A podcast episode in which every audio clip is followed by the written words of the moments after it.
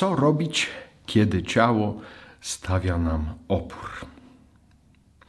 I Ewagriusz tutaj daje zaskakującą odpowiedź, cytując Księgę Przysłów, 26 rozdział, trzeci wers.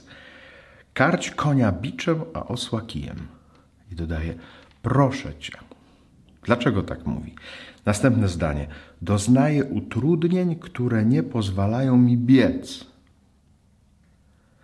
Myślę, że każdy, kto poważnie traktuje życie duchowe, doświadczył już tego, że ciało nasze stawia opór w życiu duchowym. Tak jak mówi choćby Słowo Boże, że ciało do czego innego dąży niż duch i tak nie ma między nimi zgody, także nie czynimy tego, co chcemy. A pragniemy biec za naszym Panem, tyle że w ciele doświadczamy oporu, tak jak widzimy choćby śpiących e, apostołów w Getsemani, gdzie oni w ciele nie dają rady podążać e, za Jezusem. On nawet im to wyrzuca.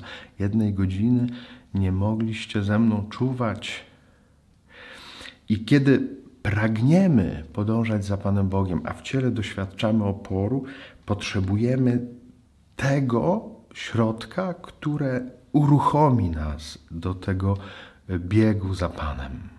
I może dzisiaj jesteśmy dużo mądrzejsi niż za, za czasów y, autora Księgi Przysłów czy Ewagriusza, że znamy różne sposoby, y, czy poznając dziedziny psychologii czy pedagogiki, jak właściwie postępować z naszym ciałem, żeby ono było skłonne do biegu. Czy to musi być kij, jak na osła, czy to musi być bicz? Niekoniecznie. Ale właśnie, co to ma być? I chciałbym Was w tym odcinku zachęcić do bardzo konkretnego poszukiwania sposobów, jak pokonywać opór, y, który znajdujemy w naszym ciele, jeżeli chcemy podążać za Panem.